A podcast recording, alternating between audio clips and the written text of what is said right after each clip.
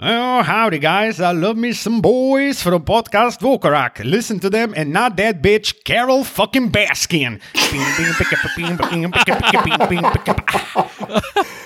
Si tigrček? Dajmo to zdaj rešiti. A je uh, Carol Baskin ubila svojega moža ali ne? Fiks. Fiksa. To je pa taka fiksulja, stari, jaz dan sto, sto kep gor, da je.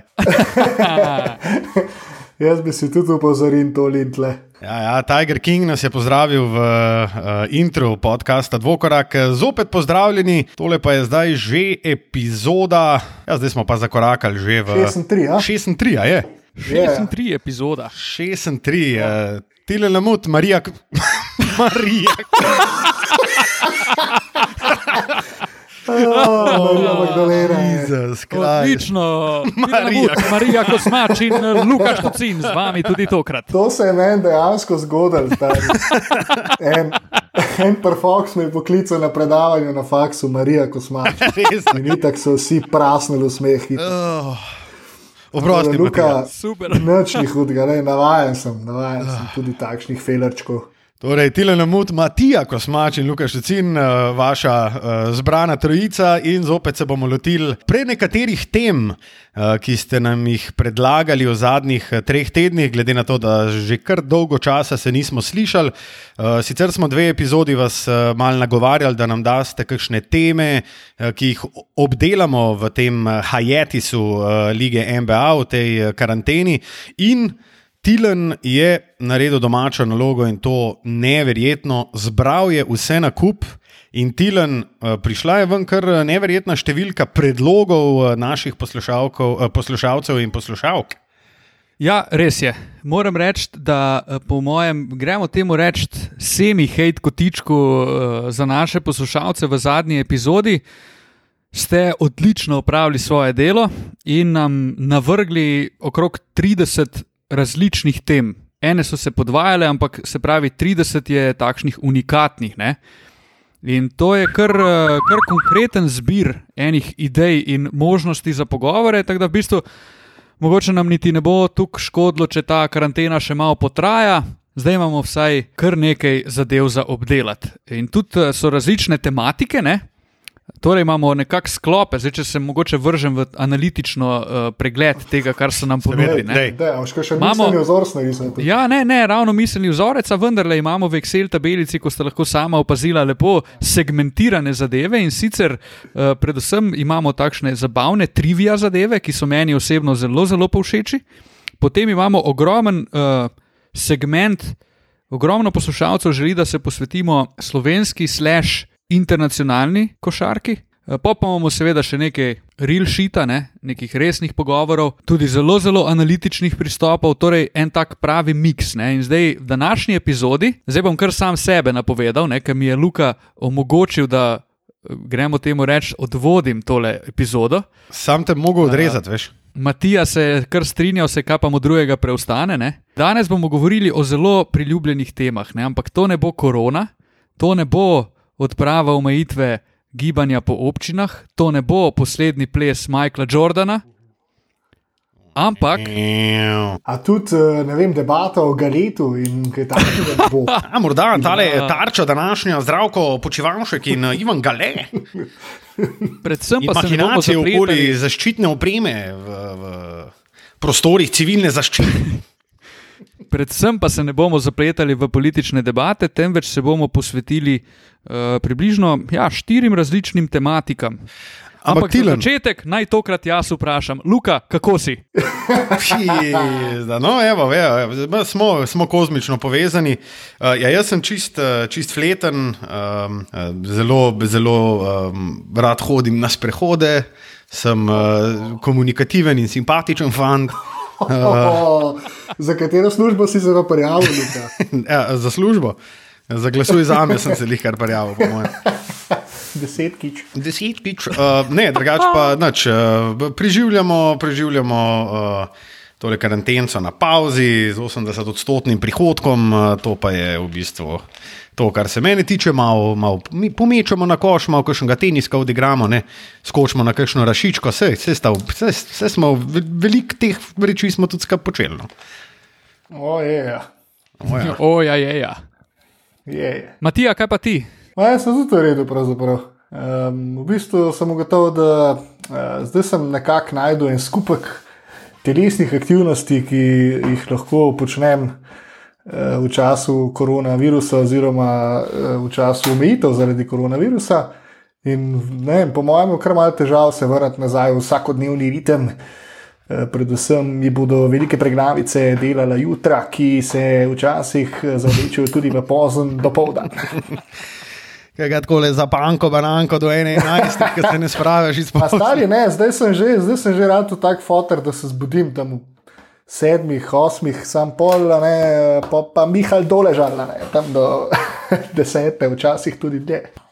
Tilen, kako si pa ti, stari? Ja, jaz sem pa Ja, povej, krasno. No, mislim, glede na to, koliko časa smo preživeli skupaj v, zadnjih, eh, v zadnjem obdobju, mislim, da niti ni kaj dost, kar bi lahko še dodal temu, kar je bilo povedano.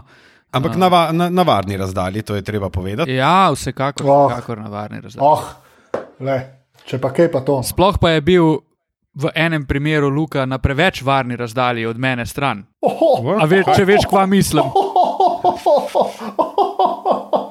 A takrat, ko smo za roko tri trole v fikico. To bo pa Luka sam A? povedal. Ja, ja, ja. To Ne vem, če bo, no, vem, če se, bo. v, to se v, v, v moji knjigi ni zgodilo. Ne, ne, ne, fino, fino. fino. Kako si sem- laže, majster. Rekel sem mu, da je dam ti jo, dam ti jo, eno pa je ruknil, pa mu rečem te drugo, dam ti jo, dam ti jo, pa je ruknil, pa je šel pa še dva koraka nazaj, pa mu sploh nisem rekel, dam ti jo, pa mi jo je dal. Trzni se, Luka, živiš v filmu. ja, tako je bilo. No. Nekako tako da, ja, vsa čast eh, Tilnu Lamutu in njegov, eh, njegovi sposobnosti zadevanja trojk, eh, tudi preko roke. Um, Preko roke, preko roke, čuj. Zdaj smo malo zajadrali, tam preko transke meje, čuješ. A, odlično. Ne, drugač pa, drugač pa uh, se kar veselim tega, da um, bomo lahko se brez slabe vesti kaj družili, pa da nas ne bojo razhojsali, no. da ne bojo zdaj helikopteri, pa da ne bo A. sozil leto, pa ne vem kva. Pa To si tudi zdaj- ljudje drli na nas, pa sosedi slikali, da, da hodimo na razen na mest meter, pa pol, dva metra, hodimo meter na razen, ko vsem smo si blizu, mi trije fanti, ne, mislim, no homo, ampak tako je, ne. Ja, Ja, tole za hojsanje si sigurno nisi pripravil vnaprej, da boš rekel. Ne. To je bilo že čisto ena taka spontanka, hashtag spontanka. Škam jaz rekel, ne, ne zasluž si, ne zasluž si našega komentarja, sem to rekel. sam majster se je pa takole upel v vse pore vsakdanjega življenja. ne. Ja, Tudi to pri popularni košarkarski igri Horse se je upletel kot uh, hojs. Hojs. Kot ena izmed rešitev, ko se stemni. Ja, ko mora skrajšati igro, je na mestu hors hojs. Um, ja, Ja, krasno. No? Zdaj, uh, glede na to, da smo obdelali naše vsakodnevne aktivnosti v času karantene, bi presedlal na naš tradicionalni hate kotiček, tako rekoč že 36. hate kotiček. In uh, bi ga začel kar sam, ker se bom v bistvu do tega trenutka nisem vedel, kaj bi hejtal. In uh, bom se zdaj navezal na to debato, ki smo jo ravno kar imeli, in rekel, da v bistvu sem pogruntal v zadnjih, zadnjem tednu ali pa zadnjih desetih dneh, ko se je v Ljubljani znatno sprostila zadeva. Mislim, ljudje so se sprostili, bi rekel, ne, in se je tudi promet znatno povečal in vse skupaj. Ne, in ti, Matija, si že prej nakazal, moram reči, da bi take zadeve skoraj malo kar pohejtal. No.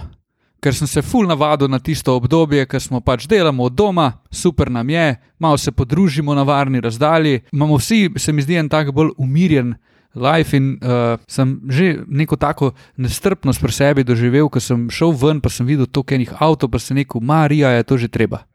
ja, jaz tudi, pa sploh ne vem zakaj, ker je v bistvu dobro, da, da kar se da, mislim, kar se da hiter. Ja, ja, ja To- sej, to bomo še videli, ampak ful je dobro, da. Kontradiktorno, ne? Tako, za naše psihološko počutje, da se kar se da hitro vrnemo nazaj uh, vsak danjiku, ki smo ga že prej poznali. Ampak jaz isto, ko sem šel ven, sem bil kratko, pa kaj je to, kot avtomobilov klep, izda, kaj je to, bakice tam pred Merkatorjem, pa lekarne polne, pa pošta pizda, ne moreš nič oddati, nič. Pa pa nisem jaz še svoje bakici, grem po kakšno, kakšno penzijo in tako naprej na banko in tam je, tam so tak, ta- tam je tak cirkus, da, da sam res, da glava peče, res. Ej, Zdaj, Luka, da bakice, bakice ti itak pogledajo, ne vem, to itak ne vejo, da je dva metra razlike in ko čakaš pred pošto ali pa pred banko, se ti ena baka nalima za perdo noter, stari pa sam. Aj, a vi ste zdaj, a vi čakate? Ja, ne, pis, da stojim kle, kam, kam je dolg čas, pis, da pa nimam nič drugega za delati. Ja, valjda, da čakam, če sem pred vrati v vrsti. Jezus Krist. Da buke ostanete doma. Brontozaura, kakšnega brontozaura sta srečala na sprehodu preko Tromostoja. Glede na to, kako se je narava vrača v svoje stare tirnice. Ja, danes sem slišal eno zanimivo primerjavo, da se je Evropa, vse kar se tiče izpustov oglikovega dioksida, zelo sprostila v teh zadnjih tednih. In sicer je nekdo rekel, pa ne vem točno kdo, ampak nek pač okoljevarstvenik je rekel, kot da bi za en mesec uh, ljudje, ja, vsi v Evropi, nehali kaditi. Ampak jaz bom sam rekel, nadaljujmo. Sam da skadim ta čik do konca, da se ga ni več. Oh, Če kdo ne ve, to je, to je legendarni, ampak res legendarni intervju Klemna Klemna za TV Črnomel, oziroma po njegovo TV Črnomle. Um, kjer je koncertiral še v času, ko je izdal prvo plato, to morate, morate na YouTubu pogledati, pišite Klemen Klemen Črnomel, to je najboljši intervju slovenskega glasbenika, po mojem, vseh časov. No. Definitivno se lahko podpišem. Klemen, Klemen, ne boš kar nadaljeval s tem lehetkom tičkom, oziroma Klemen, Klemen ima tam nekaj težavic s prižiganjem. A, ne, ja, ne, izvoliš, vse, a bomo, bo Luka. No, ker Ne, Luka. ne, ne, ne. Je, Luka je pripravljen, Luka je pripravljen, Luka kar nadaš besedo, prosim. Uh, ja, jaz bom zelo, zelo hiter bom v bistvu in sicer bom uh, malo že pohejtal z tega le Raymond Greenčka. Ne, z, um, Raymond Green, ne. sicer uh, velik koristnjak, kot smo rekli, dober obrambnjak uh, in tako naprej, ampak uh, z nekimi izjavami na enem izmed uh, po, podkastov oziroma pogovorov na podkastu All the Smoke uh, skupaj uh, z enim velikim šefom basketa, gre seveda za gospoda Jacksona, ki se je sicer že profesionalno nehal ukvarjati s košarko, ampak sicer A on je te full šef, tako dejansko. mm, on je bil meni vedno šef, ful mi je, ful mi je dobro igral in sicer najboljš mi je pa igral. nehej. Ej, ful mi je bil dober. A dej Um, nehej, no. Pa dobro, pizda, lahko povem. No. A da je nekaj. A dej nekaj, ne, ne, ne, ne, zdaj pa ne, smeš. Zdaj, zdaj že vidim, zdaj povej, si, boš, daj zdaj si boš vzel dve, tri minute, zdaj, da boš Stevena Jacksona prehvalil. kada E, je- kar da ga, kar da Ne, ne, ne, jaz bom sam rekel, da kurtam on je zelo lepo igro, najbolj všeč mi je bil pa v unih oranžnih bobcats, dresih, ki je. Mislim, da neki cajt tam špilu, zakon mi je bil seveda tudi pri eh, Golden Stateu in pri Indijani, če se ne motim, Eh, v vsakem primeru. No. Uh, Jackson je meni kar velik šef. Indiani je bil Malice in the Palace. Ja, tako, tako. On je bil eden izmed tistih, ki je šel Združen. 15 vrst gor, pa enega zaklopil v Gerbeno. Motor. To, to, to, to. O, Jezus, Marija, kva ti more delati? To, direkt, stari.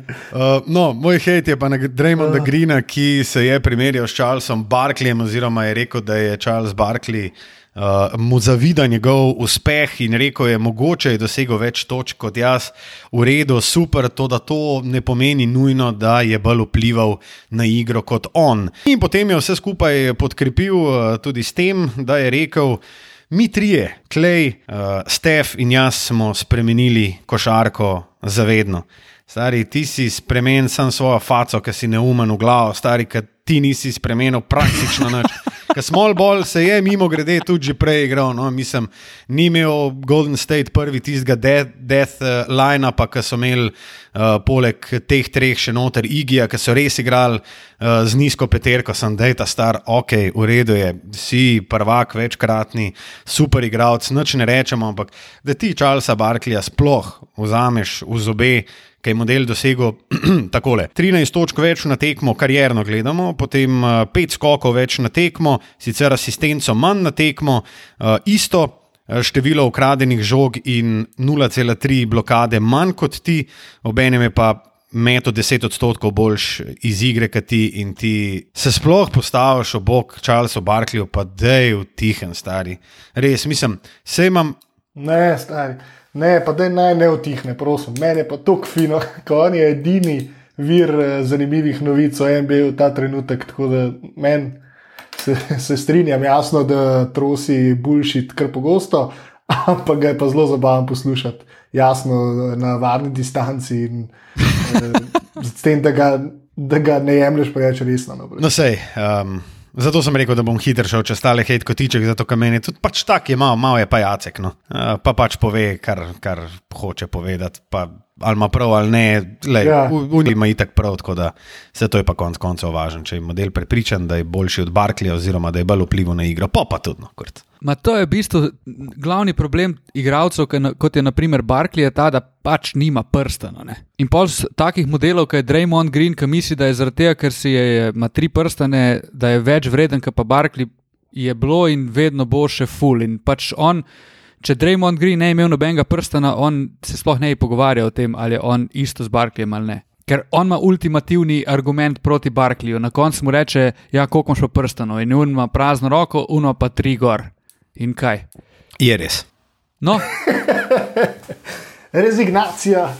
Um, Noč jaz, v bistvu, kar se NBA tiče, NBA tiče in uh, nasploh, ker manjka vsebin povezanih z najmočnejšo košarkarsko ligo na svetu, oziroma s košarko nasploh, imam uh, en hate, ki je zelo kratek in sicer nehite objavljati češnje na isto stori, zato ker to se dogaja vsak let. Uh, drug hate kotiček eh, se pa nanaša na uh, digitalne, digitalna tekmovanja, ki se vrstijo širom sveta, tako v košarki, nogometu, tenisu in podobno. Stari, to je sekret. Jaz verjamem, da uh, je fino mogoče gledati nekomu, ki doma serijo plenice in igra Overwatch 24 ur na dan, da mu je super gledati pač une e-games na Twitchu, ampak stari, koliko je to? To je tako dosadno? Mislim, to, je težko, to je težko povedati, stari. Premier Liga je naredila celo oddajo. Meni se uh, moj predragi kolega uh, iz televizijske hiše Sportloop kar malo smil, uh, zato ker je mogel komentirati. Fucking komentirati je mogel ta šodar, stari. Pa, mislim, kaj sploh za komentirati? Kako se tega sploh lotiš? Jaz sem se kar na njegovo kožo postavil. Kva, delaš? A komentiraš igro, nekdo gambla tam po Xboxu ali po PlayStationu? Mislim, Kva jaz mislim, da za take primere ne, je je, je športni komentator, razen če, razen če je ne vem, nek, nek vloger in je pač poznan s tem, da. A veš, kaj fulje, fulje teh modelov, ki komentirajo v bistvu špile, ki jih igrajo. Imamo FIFA, imamo Ja, ja, ja, ja. NBA, 2K, imamo Fortnite in tako naprej. Ne? Da športni komentator, ki je navaden tega dinamičnega komentiranja in ki je, ki je navaden pa žive igre za njega, to mora biti taka nočna mora, tako da jaz tudi uh, moram komentatorskemu kolegu dati kapo dol, da je dober odfuru to, valjda, kolikor se je dal, ampak ja. ne. Sej z njegovo kvaliteto, ampak mislim, grozen je, no, grozen. Pač dušbega bi mogel sami sebe delati, tako kot to delajo sami sebe razni. Vlogeri, youtuberi, twitcheri, whatever, eh, da je stvar zanimiva in da se mu pač lahko smejiš v gerbero, eh, sicer pa grozen. No. Mislim, tudi če te stvari ne bi bilo, bi, bi čist kamot preživel. Podpis, podpis Matija, evo, Matija je povedal. je spoken. Ja, jaz sem povedal. Zdaj pa eh, naš moderatorski kolega, katerega kilometrina je dobro vidna tudi ob vodenju današnje epizode. Prosim, če postrežeš s prvo izmed mnogih tematik, eh, ki so nam jih pripravili naši poslušalci. Ja, uh, Luka je poskrbel za lep segway s tem, ko je pohejtal Draymonda. Ne? Prva tematika, ki jo bomo obdelali, se navezuje na predlog, ki zajema najboljše treštokerje. Se pravi, uh, ljudi, ki govorijo največ smeti, ker so najbolj dosadni. O, deblo, stari. Ker so, Ki govorijo največ smeti, pa dobro. Stari, edini, ki zdaj smeti, govori si ti, lamut pa kva dela. O, legenda. Oh, ja, jaz sem se sem uh, vživel v, vživel Ti sem v to vlogo. izjavil smet, stari, hudo.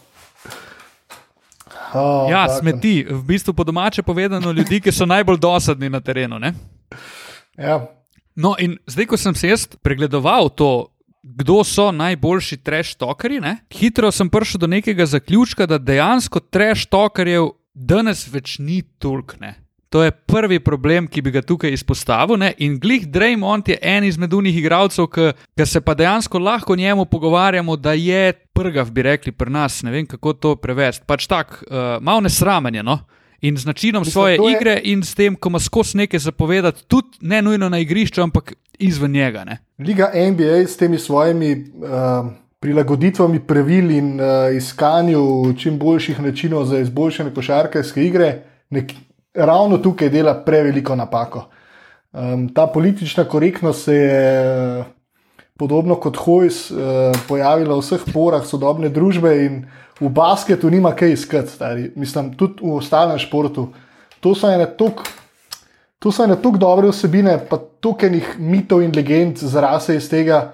Um, in te zadeve zdaj nagrajevati s tehničnimi napakami, jaz mislim, da je to nekaj, kar bojo mogli nekako prilagoditi. Mislim, že to, da ga kucneš, po, pa mu rečeš, spej se mi, Ja, ja, ja, pober se nazaj v pa kamorkoli pa že, um, pa dobiš tehnično, da je stari. Mislim, že to, kar se je uvedlo, da se ti uh, obesiš, obešaš predolgo po obroču, pa dobiš tehnično, pa dobro. No. Mislim, meni je, to, ja. me, meni je to ful slabo. Ena večjih napak NBA je to, da se dobesedno, če ti sem grdo pogledaš nekoga, pa je pogled že res dost, ti dobiš tehnično. Pač to je tako slabo, ker tok enega žara v igri vzame stran, tok enih rivalstev mogoče bi se rodilo iz tega, če bi se to lahko delalo, ali pa zdaj, ker se ne, se jih pač ne. ne. In je res Ja, škoda. se tle bomo z jih par igralcev omenili, ki so ravno ta svoj mit, ta legendaren status si zakoličili tudi s tem, da so bili nori treštokari. In jim je to sam še povečalo popularnost, oziroma še bolj uh, prikazali njihovo košarkarsko Jaz moram pa reči tudi to, ne, da je, imajo pa vsi nekaj skupnega. Ne? V vseh teh treštokarjih, ki so najbolj znani, ne, imajo eno stično točko in to je, da so vedno, oziroma v veliki večini primerov, znali podkrepiti to, da so pač uh, govorili, da so kazali s prsti na drugega, tako kot smo se takrat pogovarjali, unmo Tim Hardaway, ki je sam položil čez Barklija, pa je bil "Gee, in your face, pa je kar neki lajo tam zraven. Veš, kaj je, kaj, kaj je noro. Ampak to so pač ljudje, vsi, ki so, do, ki so dobri igrači, ki so znali pač te besede, pa ta njihov dolg jezik eh, podkrepiti. Je pa res, da. Se, kar se mene tiče, jaz imam čist vse, razen enega, imam v bistvu iz 90-ih in dva Jurija. Nihče eh, na mojo listo ni prišel, recimo, od 2010 naprej. Ja, jaz enega imam, no, ampak eh, zelo. Zaradi ene zelo specifične zadeve, ki, mi, ki se mi je otisnila v srce. Ampak ja, Luka, um, predlagam, da začneš. Verjetno si to hotel ti, ne? Oprosti, ker ti Ti lepa, končno je moderator, Rato, Rato, ti si jo danes Ja, težko ja. prislužil. Uh, v redu, v redu. Uh, bom prevzel, jaz sem se v bistvu tega tako lotil. ne. Um, jaz nisem zbral najboljših treštokarjev, oziroma sem, no, vsaj po mojem mnenju, ampak sem jih tudi razporedil po, po uh, pozicijah. Ne. In sicer moj najljubši PG treštokar je GP, PG. Gary Payton.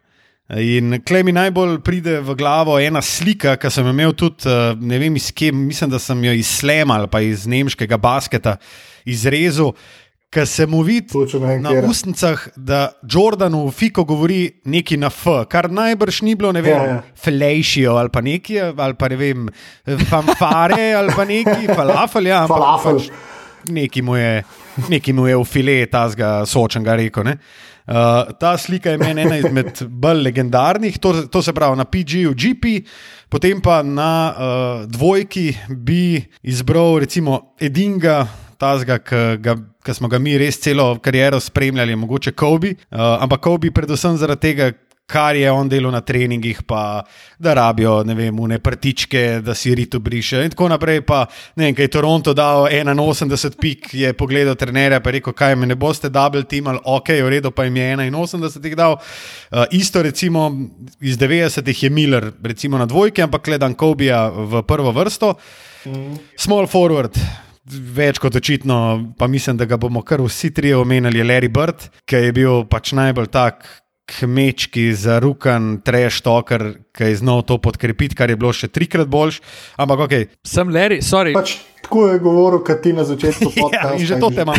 Zrvira, po moje. pa Larry Bird, stari, Larry Bird je imel, a ni imel on take, njegova pojava je že taka, ki si misliš, karkoli bo ta tip zdaj rekel, ampak najhuje, on te bo ti bo spustil nekaj in pa bo to še podkrepil na igrišču, in pa boš bil tok v bedu, stari, ker te bo Pa še trener čisto bo rekel, pa dej, dej ga Model dol je z mene. enkrat- Ja, mislim, on je, Larry Bird je enkrat na All-Star vikendu pred tekmovanjem v trojkah pretegnil v sačilnico in se je tam postavil sred sačilnice in je pač sem tiho bil in gledal okrog po sačilnici in je čakal in čakal in čakal, dolgo ni en model vprašal, kaj dela. In pol je pretegnil, ja, nič, gledam pa iščem, kdo bo danes drugi. Ja, to je klasika. Ja.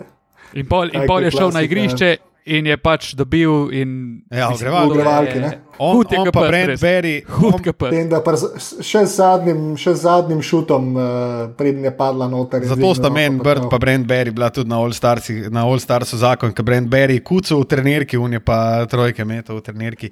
Torej, na Power Forwardu imam pa enega svojih ljubših igralcev vseh časov, to je pa eden in edini Rashid Wallace, Ball don't lie! To mi, O, je ja. pa, to mi je pa O, ja. najboljši, najboljši tak, uh, kar res ne laže žoga. Kar res ne laže. In on, ki je ne vem, naredil nek faul, pa ne vem, je mislil, da ga ni naredil, da se ga ni dotaknil, pa je model zgrešil, pa je prosti met, pa se je zadaril bolj do en laj, pa je dobo tehnično. To je bilo meni Ja, pa tako se je drl, da smo ga mi slišali točno v do televiziji. Uh, pa uno, ki je, ki je v, Portland, um, v dresu Portlanda, ki je samo gledal unga sodnika, pa ga je fuknil ven, zato ker se je preveč. Ja, to je ja. meni, Šid je meni ena taka legenda, da brez veze. Na center sem pa dal, ker mogoče sicer ni center, ampak je bolj power forward, ampak zato, ker sem Šida dal na power forwarda, pa Barkley, pa tudi vemo iz katerih razlogov. On je pa, on je pa taka fontana nekih dobrih, uh, zanimivih, smešnih izjav, tako da Barkley gre zihar gor. Samo on je, on, on je ravno obratno to, kar je Tilan rekel, ne, da je večina teh košarkarjev, tudi ki si jih omenil, Ja. podkrepila svoje zadeve na igrišču, ta, ta, ta je pa sam, ta je pa sam trosil. meni je, pa, meni, je čak, meni je čak velika, velika legenda, sem zaradi tega, ker on to še dan danes dela in Ja, to na, ja. na televiziji, Ja, ja, stari. On na I televiziji trosi, trosi zadeve take, pa sploh That's ne ridiculous. V katerem klubu mogoče govori. Pa ne more pet ljudi povedati. Že deset let zapored na začetku sezone ga prosijo, da bi enega pogruntal, Oh, pa ne more pogruntati, Oh. kdo se je kam preselil, ampak on trosi, pa najbolj pameten je vsak Ja, dan, ki je na televiziji. Temu tako kot ti, pa meni je to dobro, zato ker ni samo prosil verbalno, ampak zato ker je tudi enega modela iz prvega štuka ruknil. Skozi okno, tako da to je, to je tudi meni čisto redo, stari. Mislim tako. Kaj si moraš misliti, stari? Jaz bom zdaj tebe parjel, pa te mruknil iz prvega Oh, oh, štuka šef. hotela dol ali z kjer ga je ruknil. Vse nima veze. Meni je Barkley, Barkley mi je. Ne to, kot treš, to, kar tak zajeban, ampak mi je sam tok mi je simpatičen, da, da noro. Ampak to, Ja. to je, naprimer, pol kasneje, ne se bomo, uh, bomo najljubše petirke zbirali, ampak to bi bile ene nore, disfunkcionalne ekipe, ali pa bi mogoče te igralci, celo če bi igrali en z drugim, stari, bi bili tako hudi, pa jih bi bilo ful težko premagati. Le, naprimer, ja. to Ja. peterko, ki si jo ti zdaj naštel, stari, Dobro, to Peyton boš pa Kobe zmagal, sta igrala To so ljudje, Um, ko bi igral proti ja, Ja. Šidu, ja. pa tudi proti Barkliju, ne, Šid tudi proti Barkliju. Ja, to bi bila zelo di, disfunkcionalna. Kobe je, ekipa, no. Kobe je uči, da enkrat konkretno Ja, ja, ja. po kepi dobil. Um, no, zanimiv. Tako, pa vidva fanta. Uh, jaz sem zbral tri, dva si že ti omenil, um, Gary Payton, zato ker pač ni nehal lajati. Uh, in dobesedno je sam fucking lajo, je pri vsaki stvari ni, pač ni nehal. Ne vem, kdo je že razlagal zgodbo o tem, da je Steve Kerr, meni se zdi, nisem zihar. Glavno, on tudi, stari, če, če te je srečal v nakupovalnem središču, se te je začel dreti o procentih šuta, pa take fore, Ja. pač bolnik, težek. On je, on je, jaz mislim, da je to Garnet razlagal v enem podkastu, pa če ni bil spet ta Tudi, All ja. the Smoke, ki je govoril, da Tudi, pač In ta podcast je, uh, sorry, da te prekinjam, um, hotel sem dati še Garneta za najbolj overrated uh. trash talker, ker mi gre ta njegova zaigrana intenziteta noro na, na kurac in tle se ful dobro vidno.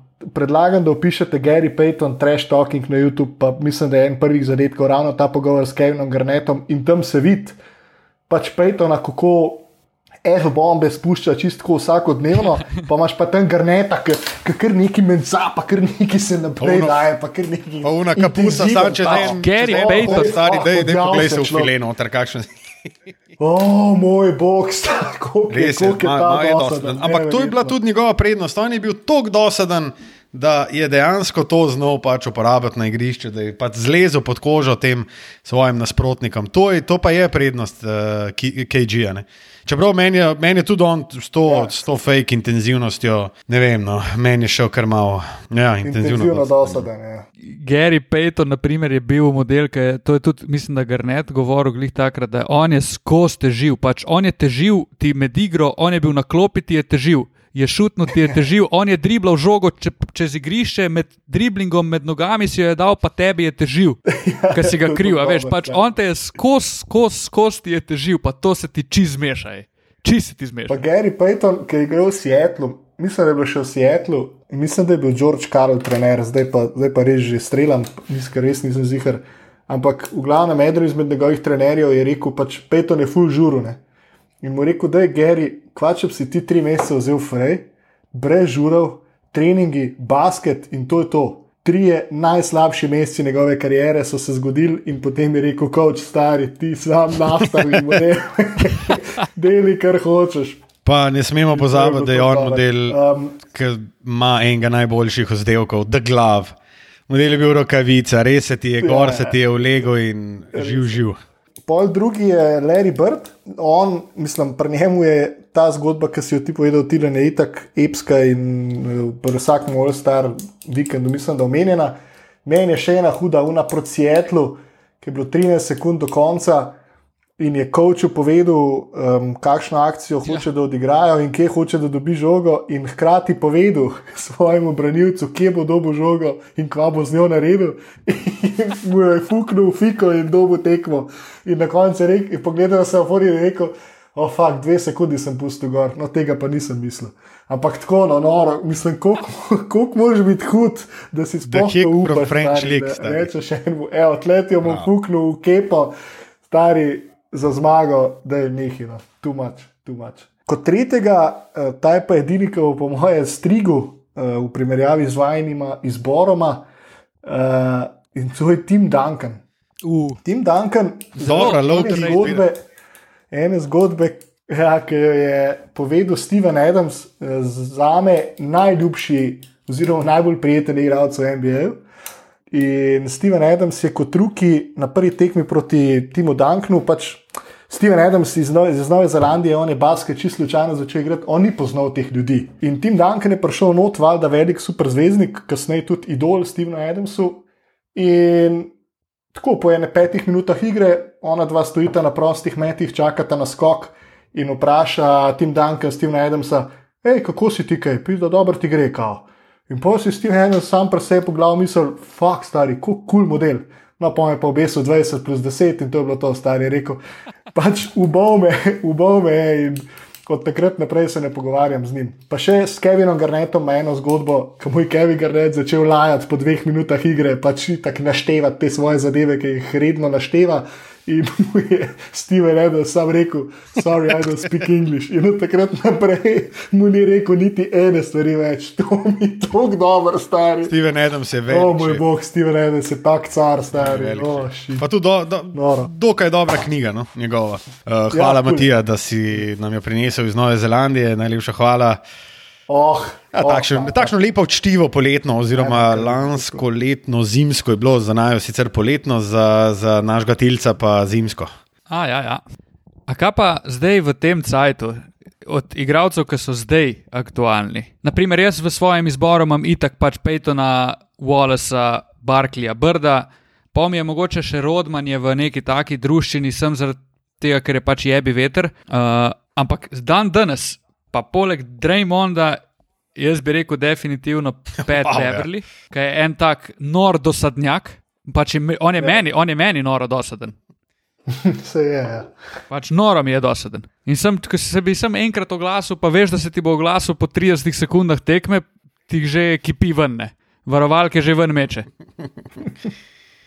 Ja, Pet Bev je izrazito dosaden model, ampak vse to je, njegov, to je v bistvu njegova, njegova uh, niša. Ne? Njegov MO. Ja, on je bil edini zanimiv človek tudi na tem uh, tukaj turnirju, ki so igrali igrico. Um, ampak ne vem, jaz, jaz iskreno nimam enega igralca, da bi mi res padel na misel iz aktivnega igralca iz lige, trenutno zaradi treštoka, da bi ga imel zaradi tega prav Ja, posebej. žal zaradi tega, kar si prej rekel. Ne? Ja, sej. Zaradi Tega, ker so pač sodniki Ja, ja, namenoma izločili čustva ven iz, eh, iz igre. ne. Ja, pa tudi, naprimer, mi, ki se pogovarjamo o najboljših trash talkerjih, govorimo za nazaj, ampak govorimo o velikih zvezdah. Ne? Naprimer, en Pat Beverly se ne more z Garyjem Paytonom v nobenem segmentu primerjati. Ne?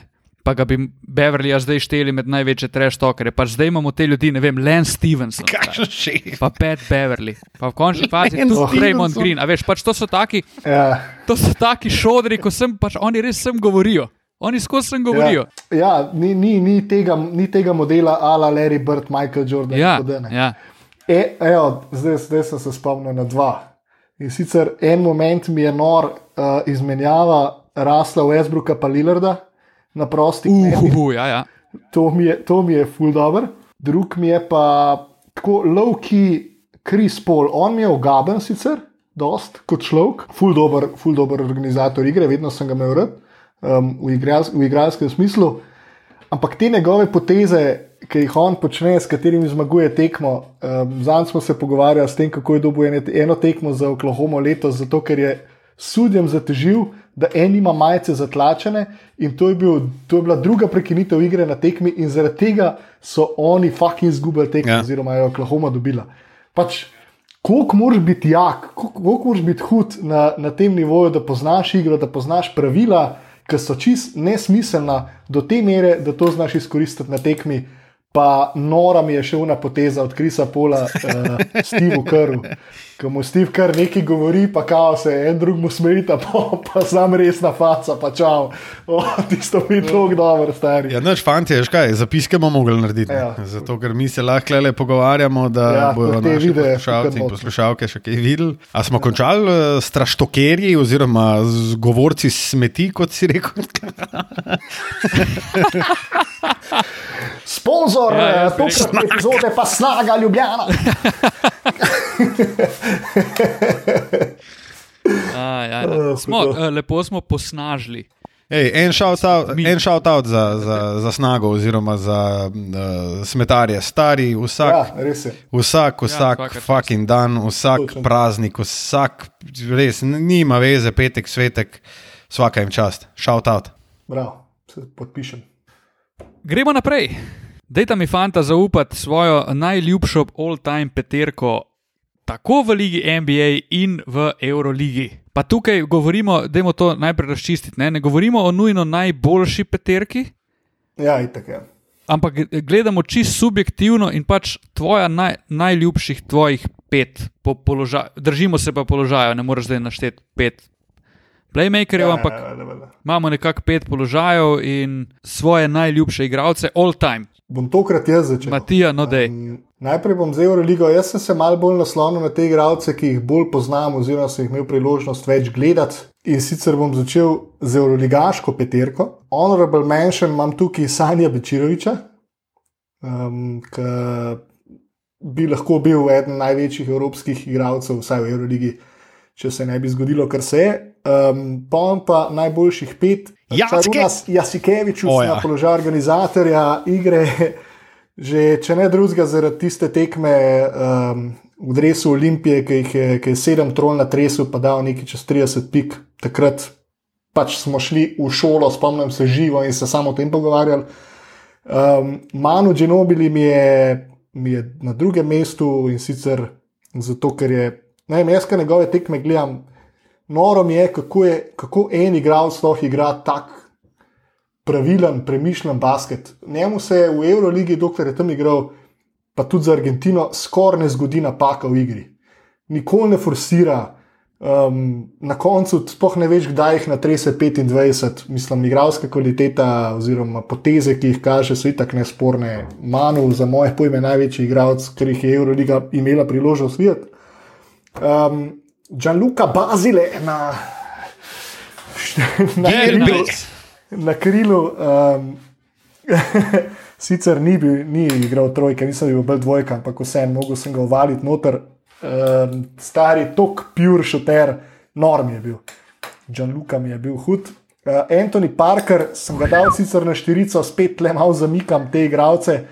ampak uh, Parker, svoj cajt, evropski Jordan, je imel nadimk in se popolnoma strinjam, on je res ubil v Makabiju. Uh, na centru pa v bistvu težko, pri centrih imam vedno težave, Eh, tako da sem dal Luisa skolo. Zato, Uh, sem ga imel priložnost toliko časa gledati in ker kljub svojim letom še vedno tako dobro igra. Um, to je to, mojih pet za, Euro, za Euroligo. Ne, A grem kar še za NBA? Ja, dajmo Ma, ne, bomo- naprej čez. Dajmo, dajmo, Koliko si dajmo ti dal na Euroligo. petko? Uh, skolo, Lojze.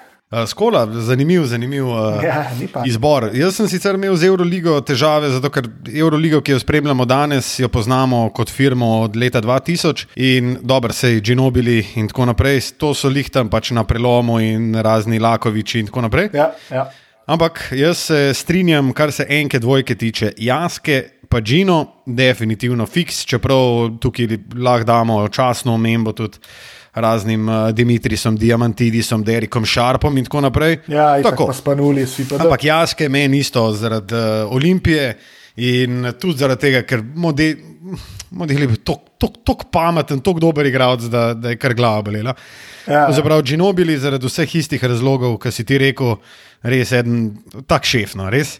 Na trojko, ki je sicer tudi dvojka igral, čeprav ok, 2 metra, ena, bolj dvojka, no, kot trojka, ampak ajde, je pa originalen The King, Leroy.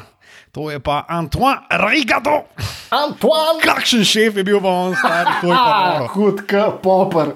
Hud In jaz se ga še spomnim, ko sem hodil, ko sem hodil s tricem uh, v Tivoli gledati Smelt Olimpijo, ki je ta Antoine Rigado pršel, pa razni Gregori Fučke in to, kako smo se mi takrat drli.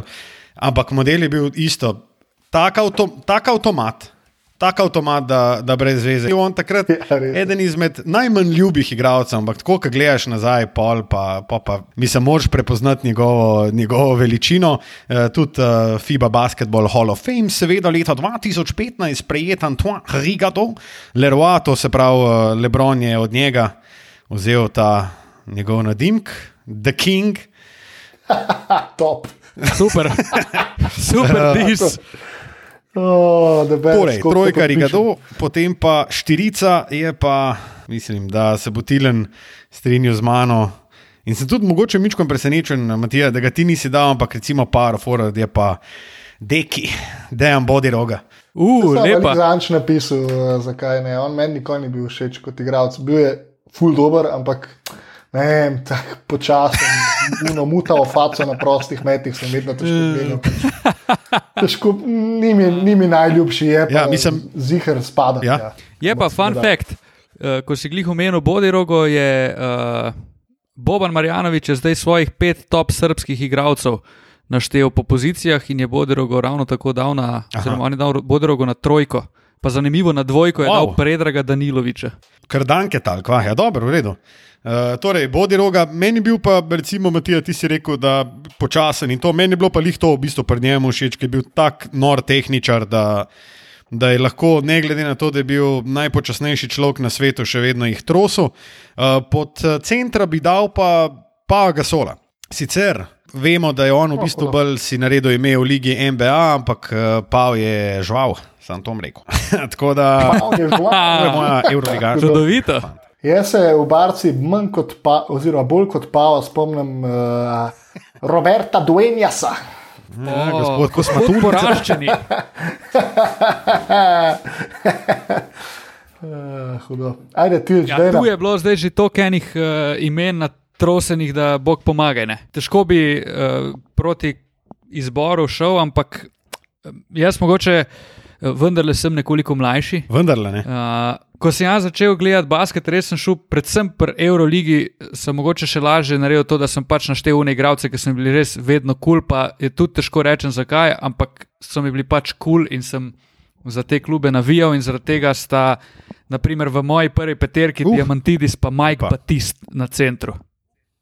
Wow. Čeprav je Mike Batist, naprimer, verjamem, da v dobršnem delu uh, javnosti slovenske zaradi uh, nezgode z Ožboltom očrnjen, ampak meni je bil Mike Batist tako žival stari, da jaz bi njega vzel v svojo ekipo, pa spoh ne bi več razmišljal. Res. Tako da sem enostavno mogel sem ga uvrstiti v to peterko. Uh, na dvojki imam Džinobilija, zaradi vseh naštetih razlogov. Pojem pa v bistvu sem imel veliko, veliko dilemo. Ne? Na trojki sem se odločil med Bodirogo in Antonijem Parkerjem, pa na koncu bi se odlo odločil za Parkerja, zato ker je bil Unmakabi mi čist nor, pa takrat sem res full gledal že ta basket Bodirogo bolj kot ne, ne toliko živo. No? Ko pa, ko pa Parkerja, na štirko bi pa stari moj dal Marka Miliča. Ja, hudo. Noro. Jaz bi, na Čeprav sem štirko, pač jaz bi na štirko, prvi- recimo, prvi- poleg Miliča, ruknil tudi Lorbka. Ne? Kalorbe, ki je bil tri leta, Ja. je bil pizda, eden najboljših, če ja. Ne najboljši evropski basketaš. Ne? Definitivno. Lorbak je imel tako šolo. Pač, on je meni čist nor. Pol tudi Nor. Matjaš Smodiš, mm -hmm. ti takoj pade v glavo, ko rečeš štirka. Res smo imeli slovenci en kup teh, pa itak Luis Skola, stari, kot da je 35 let igral to Euroligo, pa skozi je bil najjači, pa še dan danes odlamla. Ampak Marko Milič, res, sploh un, ko je prišel pol nazaj v Olimpijo, pa je. Iz Reala. Ne? Mislim, on, mi je bil, on je bil meni res, res kul. Cool. Ja. Ja. Mislim, on je bil tudi tako kul kot človek. Ne? Pa mi je, pa mi je tako atipično igro. Um, pač ne vem, e, on je en zadnjih košarkarjev, ki res ni imel drugega kot prodor in to na štirki. In je pač šolo. Ne vem, kdo je Jaz se rekel, spomnim njegovega je- prodora. Aha, sorry. A, kar povej, Luka. Ne vem, kdo je rekel, ampak um, mislim, da je bil celo Wilf. No? Eden izmed, uh, ena izmed izjav, s katero se dejansko strinjam, je rekel, da če bi Milke imel eno, da bi on recimo imel res dobro polrazdaljo, pa recimo, da bi lahko taknil še kakšno trolo strani, on bi bil najboljši power forward, mogoče v zgodovini Eurolige. Pa, pa sploh, mislim, sploh ne Sploh morem več porekati ni- tem besedam. Omejitev tukaj. Ne, res, to je pa, če on dobi res, mislim, če bi on imel eno res tako dobro, zanesljivo pol distanco, ima stari, to je, to, je- to, to je god, to je konc, zapri. Q, Meni Q za. nasploh en najljubših, zaradi tega, ker je bil pač una poteza, ki je dal proti Smodišu v ledeni dvorani koš za zmago proti CSK-ju. Pa takrat sem bil živo na tekmi, pač meni se je trgalo. Pa vsi smo vedeli, v katero smer bo šel, da bo šel v desen prodor. Vsi, Pa vsi, vsi. smo vedeli, da bo table položil, ampak on je to naredil, tudi vse smo ga tudi vedel. Ja, definitivno. Pa tudi Milič je bil že star, pa ni več bil tako skočen, kot onda, ko je skakal prek avta, ampak ga je vtaknil noter, k velik res. Bravo. Druga stvar, ki se mi je pa utrnila spomin, je pa, ko sem bil res, res mehen, pa sem šel, fotor me je pelil gledat uh, finale šolske košarkarske lige. Gledat. Jaz sem bil, mislim, da Wow. peti razred. Wow, bravo, In file. pa sva šla, pazi, in pol, to se je dogajalo v Tivoliju, in ko smo šla domov, smo na parkingu srečali, to je bila zelo lepa taka množina belokrajinska, čeprav sva bila dva. Torej, smo srečali Marka Miliča, ki je prišel pa na trening, star, jaz sem se tako tresel. Tresel sem se in prepričal me, Ade, da grem do njega z enim listkom papirja po avtogram. In s- ko sem prišel do njega, sem, sem tam stal pa z unim listkom papirja, pa nič nisem mogel reči. Ja. Pa sam Milke se je pa sem smejal, stari pa meni je bilo pa noro dobro. Jaz se spomnim pa ene iste, uh, dosti podobne, Starstruck. dosti podobnega doživljaja oziroma uh, dogodivščine, uh, ki sem bil pa v hotelu Lev, namreč tam je moja mati včasih v prvem uh, nadstropju tega hotela so bili v bistvu poslovni prostori in ona je imela tam poslovne prostore. In enkrat so prišle, pa ne vem zdaj, so bile, vsaj mislim, da so bile ekipe. No?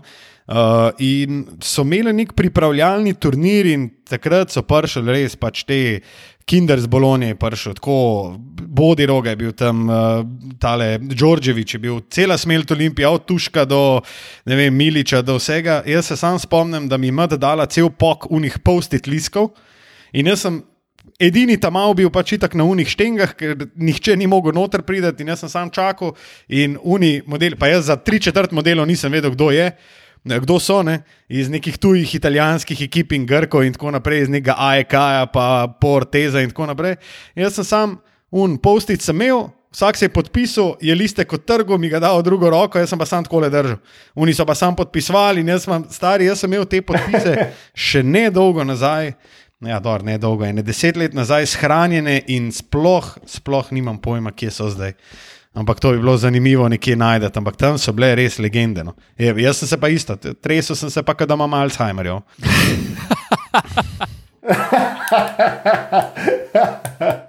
Dobro. Dobro, no. Uh, Cool. a imate mogoče še trenerja? Gremo še na NBA. Tak, na, kaj ti prvo Ma, napada? Kaj, ti jaz prvo pade na pamet? ampak, Ja, žocne. Uh, Jasmin Repet. Jasmin Repet. Uh, super. Ne, valjda žoc, mislim, če mogo zbirati, žoc Jaz tudi. mestu. Dobro, NBA peterka, Matija, prični. Ajo, ne, pardon, Tilen, kar povej. Torej, NBA peterka, Matija, prični. Um, Stef Curry na žarga Tako predvidljivo. igre, predvidljivo. ki je s pomočjo Dre- Kakšno Draymonda presenečenje Greena na položaju spremenil organizatorja igre. No, pa pojdimo še do dveh presenečenj. Na položaju številka 2 Michael Jordan, na položaju številka 3 Larry Bird, na položaju številka 4 Dirk Novitski in na peticiji, tule pa res presenečenje Nikola Jokić. Opa! Lepa. Very, very interesting.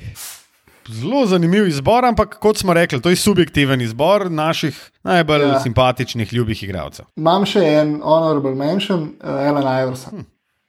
Hm. Na njega sem si ga malo dudil. Mislim, imel sem njegov, imel sem njegov, uh, njegov kaj je ta švic trak, sem U, imel ja, na, na komovcu.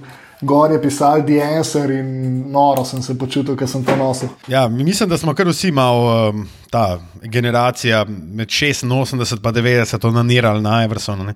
Jaz se spomnim, da sem se s 86, svojim uh, rokometnim trenerjem. Namreč Škofja Loka ima zelo dober eh, mladinski rokometni pogon, iz katerega prihaja tudi Jure Dolinar in tako naprej. Ne, in sem se z Bojanom Dolinarjem, Jure Dolin, kaj že, ne, Jure Dolenec, je pa te Dolinar. Dolin.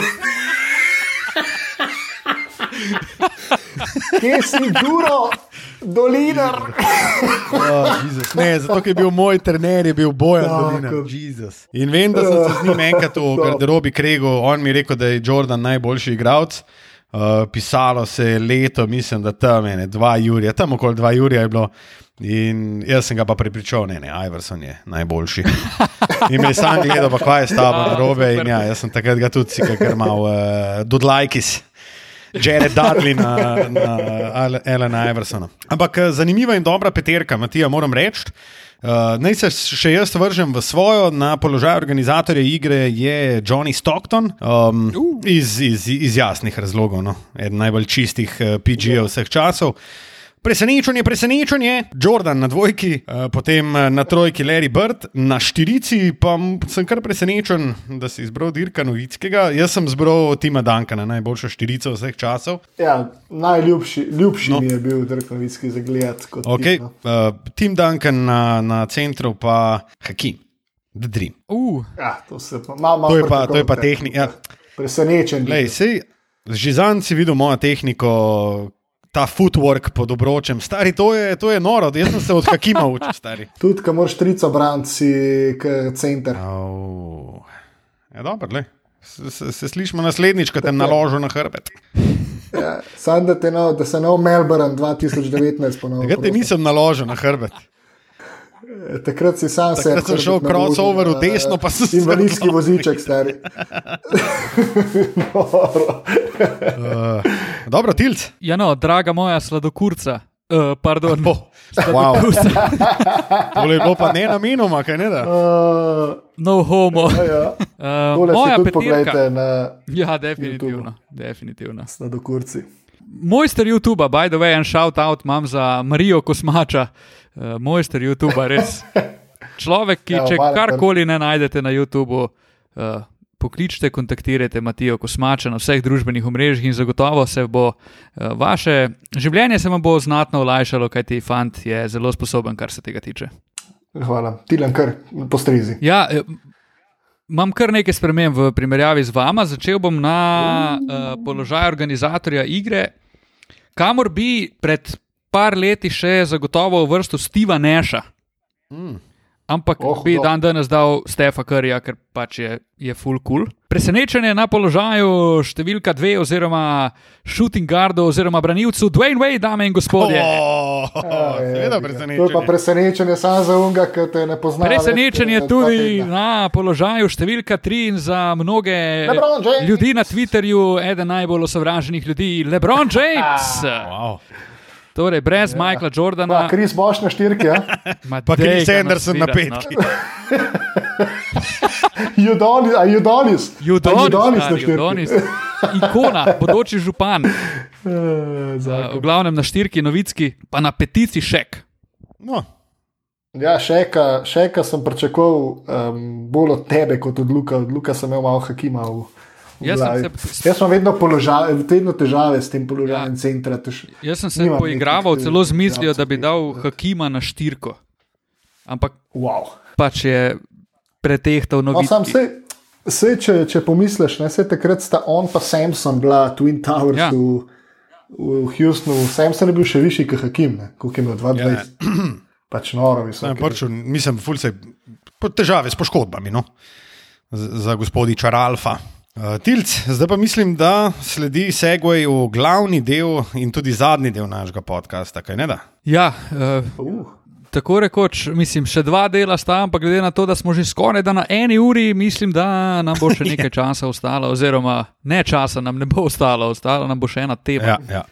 Dajmo kar nadaljevati. No. V bistvu so nas, ste nas poprosili, da sestavimo svoj roster.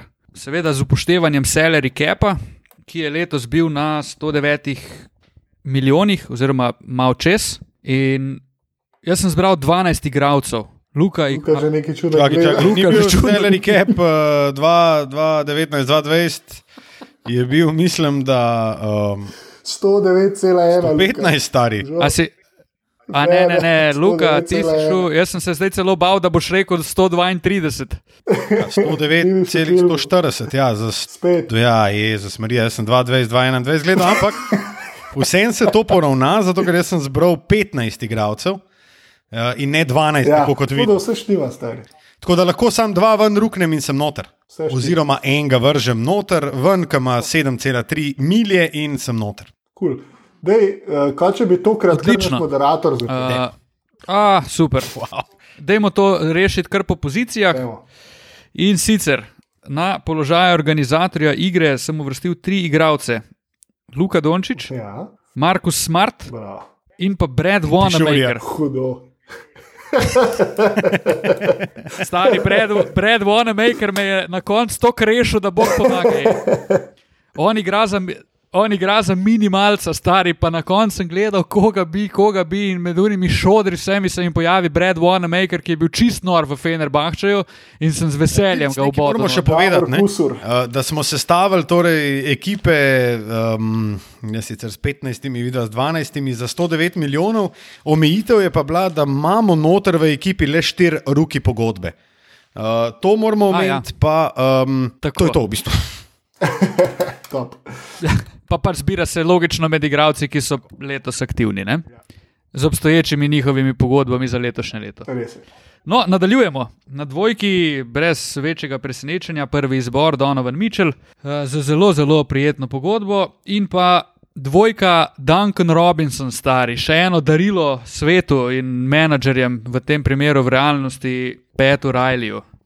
Svojo produktivnostjo pa Boro pogodbo, dobro, si- in pol. Na dvojki torej porabil dve ruki pogodbi, oziroma na enki si Donko uporabil, na dvojki Mičla in, in Robinsona. To se pravi, ima samo še eno ruki pogodbo. Ne? Duncan, Duncan, Robinson, Duncan Robinson nima ruki pogodbe. Ne Tudi stari, mene zanima, kva ima, ampak me, po vseh pravilih bi mogel imeti neko ruki pogodbo. Ker sem šel, ma, ja, ker sem šel gledati in Duncan Robinson ni Ne, sej, a on je bil zbran na draftu. ruki pogodbe. A veš, ko pomaš te, ne. Ne, Pomaš te, tudi recimo ljudje, ki so prišli iz Evrope, sedaj sem tudi jaz malo pogolfal, ampak imam tudi, uh, imam tudi rešitev, kolikor uh, ne bosta priznala moje 12-terice. Um, pol pač podpišejo neko pogodbo, ki ni po ruki standardu. Ja, ja, pač kot se zmenijo. ne. Točno tako je. Ok, Tilen ne ti bo, no? dve ruki pogodbi si izbral. ja, no, lej, Mega. Luka, tudi če boš ti zdaj meni rekel. Tudi če boš ti zdaj meni rekel, da on je ruki, on je ruki, pač mi ne moreš dokazati, da je ruki in da ima ruki pogodbo, in sem se znašel. Ti in si sem tako najboljši, hud ti si GM, stari, stari, da grozno. Masaj. Mene sam čudi, kako da nisi dvojna veda vrnil iz Spokoja, mene isto. Ja. iz- Je rekel na dvojki da pričakovano, super. Zaenkrat si gre super. že ja, Dwayne Wade. Pa dobro, te nehajte. Zdaj se pa vstal ta fanta. No, no, ne, ti pa nadaljuj. No, dajmo na, dajmo na trojko. LeBron James, Bojan Bogdanovič in pa Joe Harris. Wow. Zanimivo, pismo, a boš ti povedal še kakšno, Mislim, jaz bi klele te malo preveril, malo bi šel za tabo računat eh, in da bi mi malo povedal številke teh uh, pogodb, ki jih govoriš. No, dej, to sta na teh. Ja, na teh dveh položajih, oziroma na tem položaju, sta tudi dva igralca z naskokom uh -huh. najvišjimi pogodbami, oziroma najvišjo pogodbo, Lebron 37, pa Kusor in pa Bojan Bogdanovič, ki je drugi najbolj plačen igralec moje ekipe s 17 milijoni. Aha, tam pa Adam Silver, a.k.a. ja, Lukaš. Treba preveriti, venti, da je luksusni dolg plačal, ta star.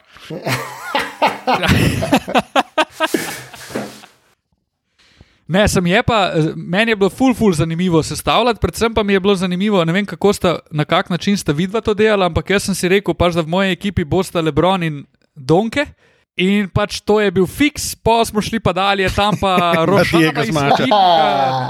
Marije, kot smo rekli, okay, da je to še enkrat omeni vse od enke do trojke, da, ah, da, bojo naši, da bojo naši poslušalci in poslušalke vedeli, kaj si zbral, zato ker se malo prekinjamo.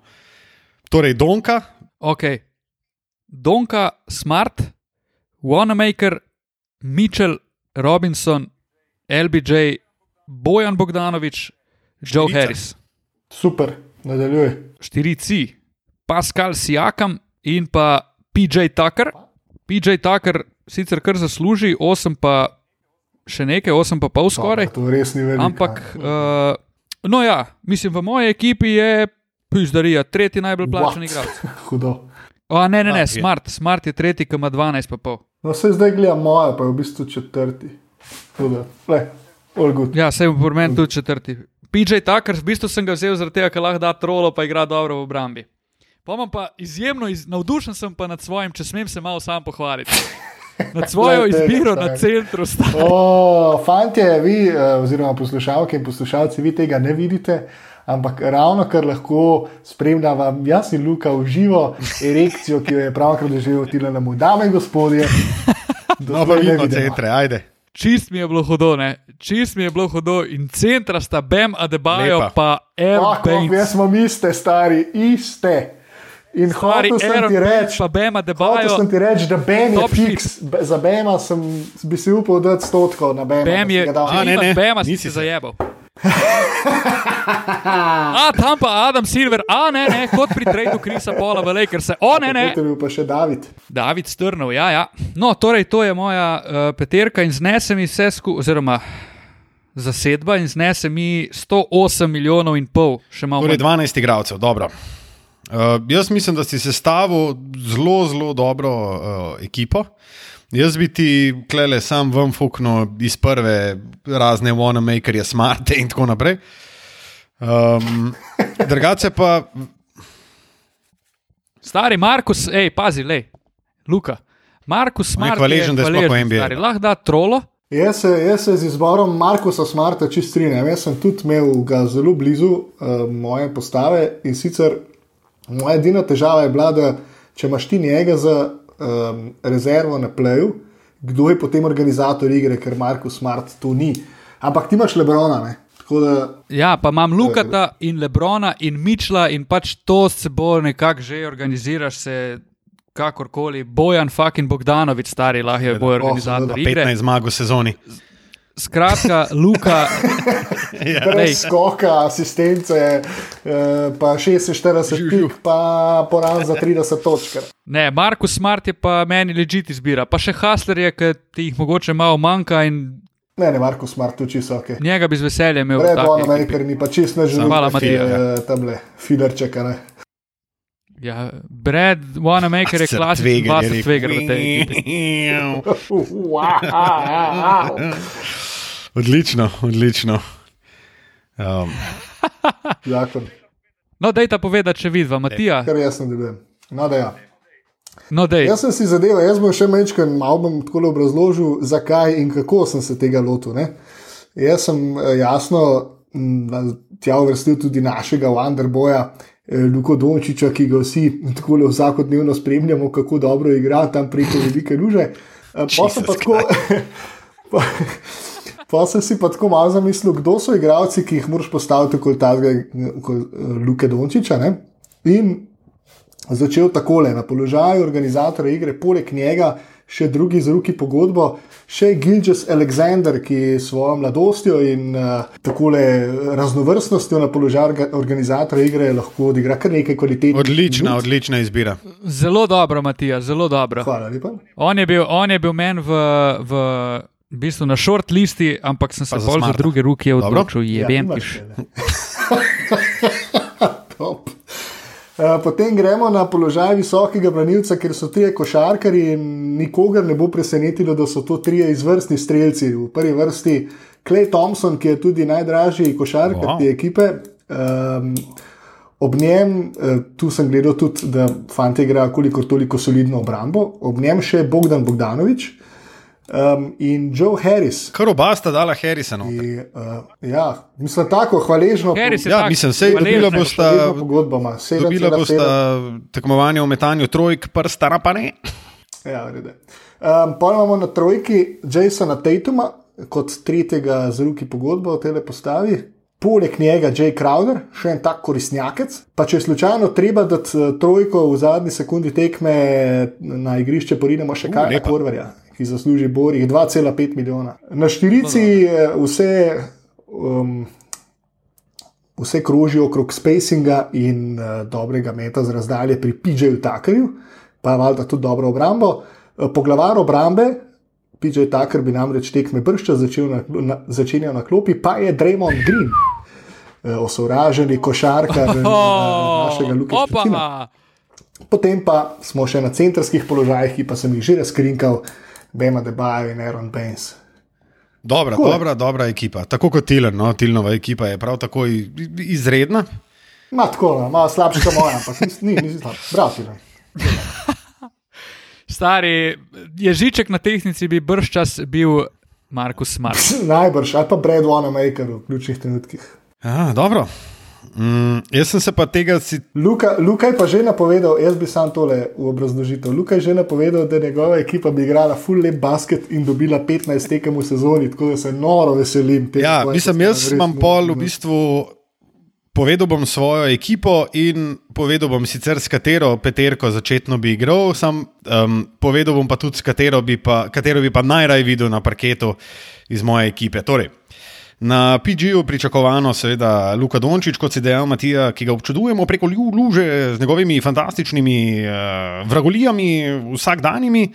In potem bi pa na, na, na PG-ja bi dal, uh, sicer seveda s tem, da se lahko premika na vseh položajih, tudi moj najdražji košarkar je Janis Antetokounmpo. Opa, O, tu si super. hudo. Um, jaz sem sicer tako zbral, no, dva PG, v bistvu dva igralca po vseh položajih, potem pa še tri utility, oziroma pet sem jih izbral, ampak glede na to, da sem jih 15 izbral, pa za jebo salary cap, jih imam zdaj na utility samo tri, da imam še ene 4 milje v dobrem, uh, ki jih namenim uh, fileju Markosa Smarta, da si ga malo poprav. Um, torej, PG, Neki proti aknam. Pidži Dončić, njegovo Antetokounmpo, ki se seveda lahko pomikata po položajih. eh, Čist eh, prosto, potem eh, visoki, visoka branilca sta Donovan Mitchell, ki smo ga, mislim, da vsi trije zbrali, pa uh, Ne, ne, tega nisi. Ne. Wow. Jaz ga nisem. Ok, Donovan Mitchell in uh, Bogdan Bogdanovič z 8 milijoni in pol. Uh, potem na krilu, oziroma small forward Jason Tatum 7,8. To je bila tudi uh, moja, mislim, da zadnja ruki pogodba, ki sem jo imel na voljo, to se pravi Dončić, Mitchell, ne Tatum, pa Sijakama sem zbral pol na par forwardov. Poleg Tatuma sem dal pa še uh, kengurujčka Joea Inglesa. O, njega sem jaz imel v eh, Jaz sem ga izboru. imel sicer v izboru, ampak mi nikakor ni šel noter v salary cap, zato ker ima tip Ma tistih ja, 12 11 ce- milijonov. 11,4 milijona zaslužna sezono, Power Forward Sijakam in Bojan Bogdanovič.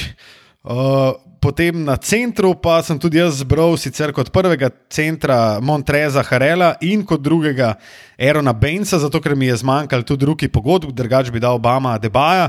Kot utility sem dal pa uh, torej, Krmela Antonija, 2,5 2,1 milijona, potem Darija Šariča 3,4 milijona in nisem mogel iz svoje kože, um, kot nekoga, ki bi skrbel seveda za uh, dobro vzdušje v ekipi, pa seveda Demarkus Kasins.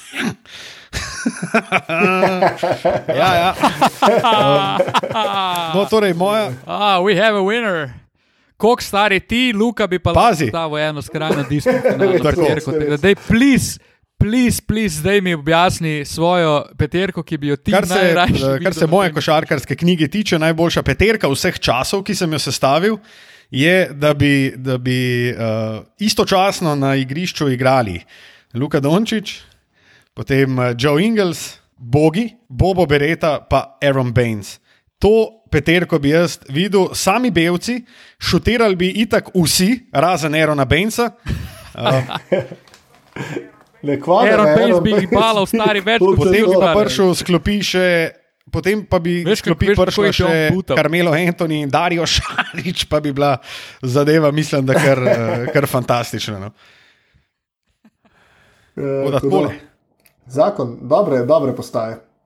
Všeč mi je, kako smo imeli vsi ne par svojih, uh, teh, nek svoj, nekih svojih idej. Ne. Luka se je jasno najbolj poigral. Ampak uh, veš, kaj me preseneča, da ni noben zbral uh, Luja Williamsa. Ja, jaz sem ga imel na short listi, ampak stari na koncu mi je bil tudi z unimi 8 milijoni, mi je bil predrag, ker mi je pač manj ostalo za ne vem, tretjo rezervo na tem Predrag, položaju. Peča Stojakovič. Pedja. Jaz sem mislil, jaz sem mislil da bo kjer odvajal bodo Vinsa. Ja, Mislim, če hočeš zmagati dan danes, potem Vinca ne eno. Čeprav, čeprav, pol daš na Marko. Čeprav Luka. Luka, jaz imam, Luka, jaz imam zate še enega, pa upam, mislim, mogoče bil to ta, ki A ja, si vrgel sem ven čakaj, sem, da. CTRLZ ene dvakrat stisnem. Ker jaz vem še enega, ki bi ga ti, ki bi full sedel v tvojo ekipo Ne, in ne, sicer ne. gospod J.R. O, jaz sem ga, jaz sem ga gledal malo. Ja. Uh, ne, imel sem še Wesleya Matthewsa, ki ima 2,5, pa Derika Rosa, ki ima 7,3, ampak Rosa sem v bistvu bolj zaradi uh, takole čustvenih razlogov dal noter.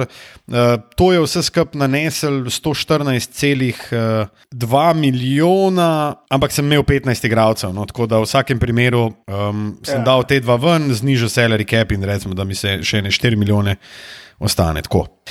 Ja, cool, no, Jaz zdaj predlagam, ne, zdaj- da naredimo, naredimo na, uh, dobro. našem, uh, na naših družabnih omrežjih, predvsem na Twitterju, eno uh, anketico in da naši poslušalci izberejo, kdo ima najboljšo ekipo. Dajmo, dajmo, dajmo peterke, dajmo. dajmo peterke. ne. A samo prvo peterko. Začetne peterke, dajmo.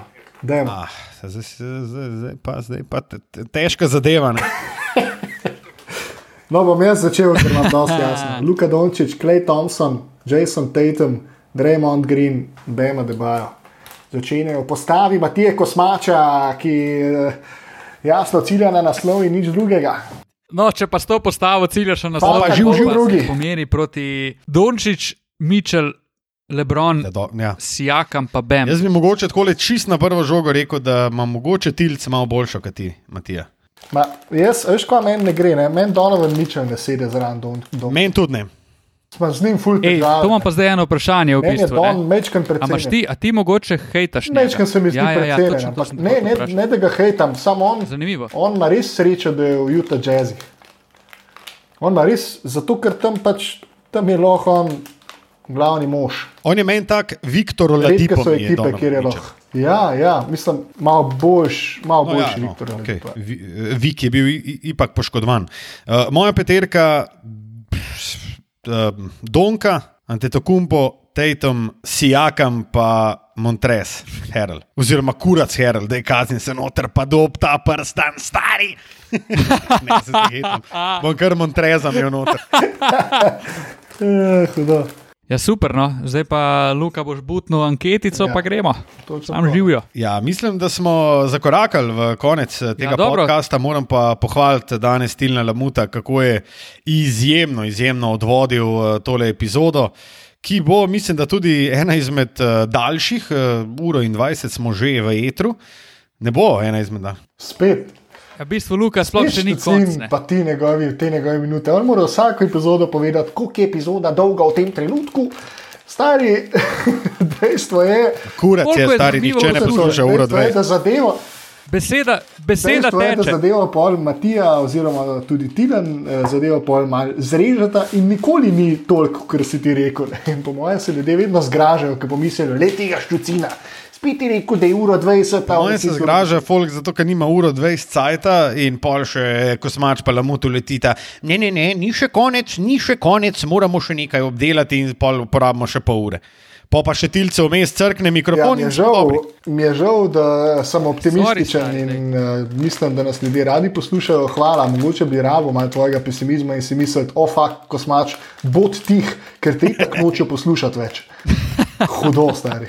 A, s kakšnimi razlogi pa ti, Luka, Veš, glej, jaz- imaš ta podcast? Ne, To jaz ste razumem, da razumem. Se kao z nama pogovarjati in kao nama Ne, delati. jaz, a veš, ne. Samo jaz, to. jaz razumem Samo to. to dinamiko. Misliš, da si večji človek, pizda, to dinamiko. Dinamiko podcastov jaz čisto razumem, stari, zato ker jaz, jaz razumem, da folk nima toliko cajta. Veš, jaz razumem, da folk ne more si vzeti ure pa pol, stari. Kaj, a veš, koliko je ura pa pol v današnjem lifeu, stari? To je ura pa pol preveč, stari. Ti rabaš dve minutki povedati vse podcast, la la la, čau, stari. Mi bi mogli sam, gremo, treš tokeri, Peyton, Kobe. Brčit, Barkley in tako naprej, stari. Mi bi mogli v petih minutah končati in bi bili najboljši podcast na planetu. Stari, vi sam vidi, ne razumete te dinamike, No, stari, zato ker ste pač No, to navadni na- na... metal, zakaj ne rečem. No, Luka, to, kar si zdaj naredil, je denimo del, ki se ga pol To, to, zreže to. ven. Tako da zdaj lahko spet omeniš, koliko je dolg podcast in ni tako dolg. A, ja, ja. Ja. No, še zadnji, še zadnji del tega podcasta, ne? Znova še eden izmed predlogov, ki ste jih vi podali, da se o njih pogovorimo. Dosti zanimivo in sicer uh, nadev se mu ime številke pod stropom. Ja, In to- sicer, kdo si od igralcev, ki so trenutno aktivni, zasluži upokojitev svojega dresa, pa po bistvu je tudi pol pod vprašanje, kje se to naredi, oziroma kako vidva v bistvu gledata na to, da se bi enemu igralcu v več klubih, več mestih, kjer je špilal, upokojil dres. Matija, daj ti povej, zaradi tega, ker Luka itak se noče Tako več. je, grejo. Ne, vem, mislim, da so standardi za upokojitev številke, pa za uvrstitev v Hall of Fame tudi včasih in podobno, da so mogoče se izkazali za mal preniske. Na tej točki se strinjam s letih. tabo. Um, ne vem, ta upokojitev odresov je pa težko. Recimo, da ima Kevina Garneta za primer. Se pravi, Kevin Garnet je na mapo postavil Minnesota Timberwolves in tam odigral najboljša leta in najboljšo košarko svoje kariere. Če gledamo njega kot individualca. Ne. Zdaj, usvojil je pa v Bostonu. Ja. Se pravi, zdaj v Bostonu in v Minnesoti obesmo njegov dres. Ne, ne vem, ali je to vama kul cool, ali vama ni kul. Cool. Mislim, jaz bi rekel, da uh, načeloma mi ni kul, cool, da se v dveh Ja, meni mestih načeloma tudi ni kul. cool, ne. cifro. Je pa res, da je pri enih igralcih pa mogoče res težko pol zbrati sem eno mesto. Tako steže bo, ne, glede na to, kaj se dogaja s tem player empowermentom. Ne. Ja. Mislim, ko, kje boš, Lebron bo obešen, kvas, da je po celi NBA ligi. Okay. No, mislim, sej, naprimer, Lebron, tež, po eni strani je težko ugovarjati, da Lebronu, Lebronu itak, da mu bo Cleveland obesil dres, to je logično. Ja, to ni logično je tudi, debate. da ne. boste obesla LA pa Miami. Ja, za Miami jim je tudi čisto logično, za LA bi pa, mislim, po mojih standardih bi mu LA obesil zgolj in samo pač če usvoji vsaj Ja, enkrat. Če ne usvoji z njimi, pol. Jaz ne bi bil presenečen, pač jaz ne bi bil obesi, ne. presenečen, če bi bil obešen, tudi če, bi, če ne bi usvojil. No, to je naprimer tisti kriterij oziroma situacija, ki mi je tu mač to. No. Vsi se strinjam. Mislim, težko je no, to soditi, eh, pa skozi teže bo. Recimo še, Pa še en ena taka stvar. ki je Tak je Kawhi Leonard, ki boš njemu obesil dres. Ja, pa še en je No, Kevin jaz Durant. recimo nimam nobenih težav, da se, da se dres obesi v večjih mestih in jaz sem tudi na ta, na ta seznam uvrstil in Kevina Duranta in Kawaja Leonarda. Jaz bi Kawaju na podlagi ene sezone v Torontu bi mu dal eh, številko pod strop. Mislim pa se Toronto jo mora No, obesiti. jaz Ja, itak, itak. Mislim, Ja, Čigav Mislim, a Toronto, a Toronto obes od McGradyja, ne obes, ne? Orlando ne obes, ne. Houston bo težko obesil, ne? No, Dobro, Houston bi še lahko obesil McGradyja, ne? Sam to, da McGrady nikjer ne bo obešen, mislim, da njegova številka ne bo obešena, je pa tudi malo čudno. pa tudi kraja. Um, tako da ne vem, jaz sem dal na ta Ja, seznam mislim... Lebrona ki bi ga obesil v Clevelandu in Miamiju. Dal sem Curryja, ki bi ga obesil v Golden Stateu, KD-ja, ki bi ga obesil v OKC-ju in Golden Stateu, Hardna, ki bi ga obesil v Houstonu, Rosa, ki bi ga obesil v Chicagu, Kawaja bi v San Antoniju in Torontu, Carterja v Torontu, pa Gasola pri Lakersih. No, jaz imam pa še par vprašanj. A kjer bi obesil Thompsona Ja, jaz bi ga. Ja, jaz bi ga. Ja. v Golden Ja, Stateu? jaz, jaz bi ga, sploh če odigra celo kariero v Golden Stateu, kar se bo najbolj zgodilo. Ok, pa pa še eno vprašanje, da se v bistvu vlečemo z njim cel Ja, podcast tokrat, a bi obesil Draymonda. Če ostane do konca svoje Ja, kariere Golden če ostane do konca, ja, ok. Itek da bi, stari, itek da bi. Ker v končni fazi, stari je, ne bom, to zdaj ne pomeni, da je on revolucioniral basket, kar pravi sam, ampak je pa bil del te trojke in ni bil tukaj ne pogre, tuk pogrešljiv, Ne, seveda, kot da si ni bil, ti ampak predstavljal. v unem letu, v unem letu, ko je Golden State postavil rekord zmag, je bil Draymond žval. Strinjam. Je pa res, da je od takrat kar Ja, ja, precej padel. No, uh, še dve vprašanji. Howardu v Orlandu, Ja. Lauriju v Torontu. Mislim, pa imaš ta problem. Lauri ne, ostane do konca v Torontu, Aj, aj, Jaz bi rekel, da Lauriju morajo v Torontu tudi obesti. pol imaš ta problem, ker igravci niso tako hudi, ampak so franšize tako kurco. ne. Recimo Lauriju ne obesaš verjetno v LA Lakersih, ne? če osvoji to, kar je osvojil v Torontu. Pa s tako igro. Ja, Najbrž, najbrž ne. Ja. A Veš, v Orlandu, oziroma Dwightu Hardu, kje druge, mu tudi verjetno ne obesiš drevesa, v Orlandu mu ga pa, zato ker je manjša franšiza, pa zato ker je toliko časa igral.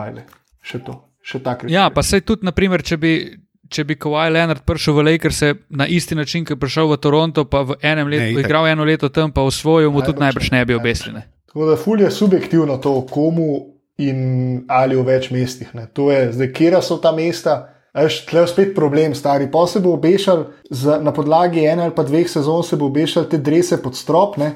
In pa recimo čez 30 let, ko bo recimo, karikiram, Toronto dominiral 20 let ali pa 15, in boš imel ti en kupenih igralcev za obesati in bo kar tako mal pizda. Temu smo dali pa na podlagi ene sezone. a Ne. Ja, definitivno.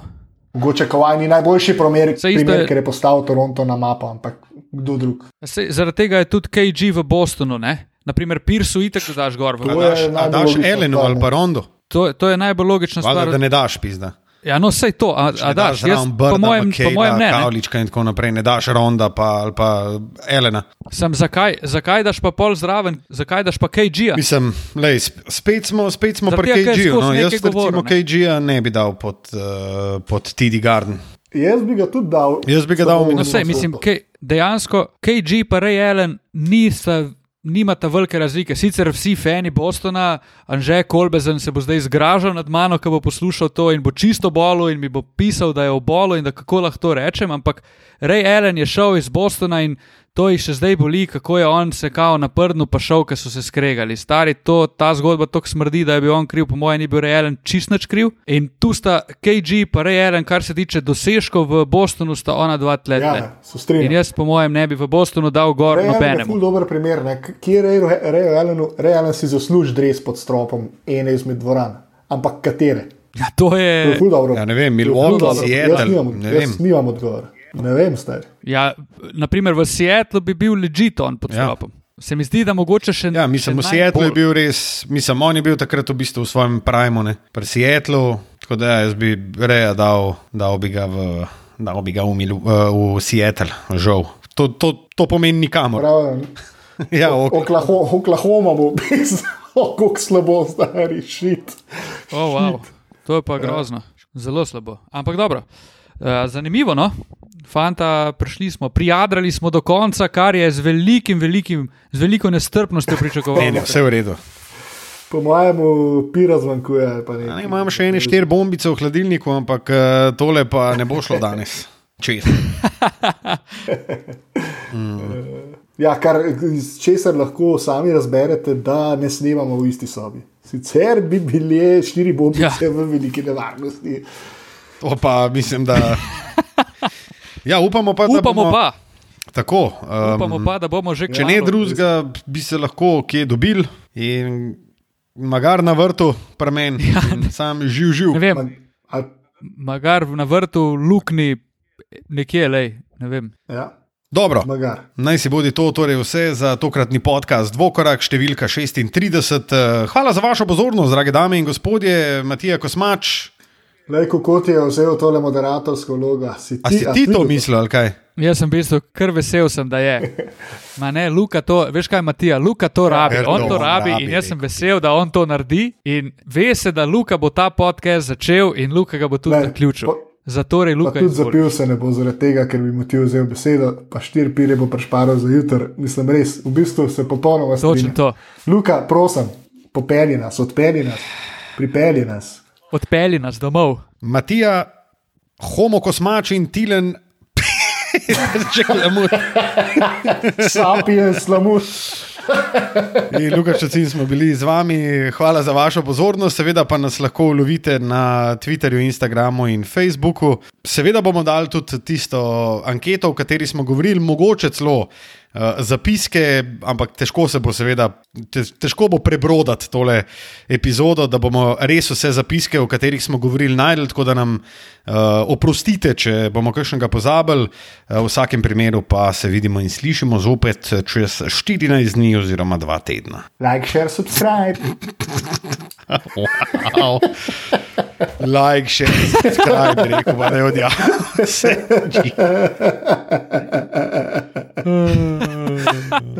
Uh, to je pa ta Ja, ja. YouTube. Ne?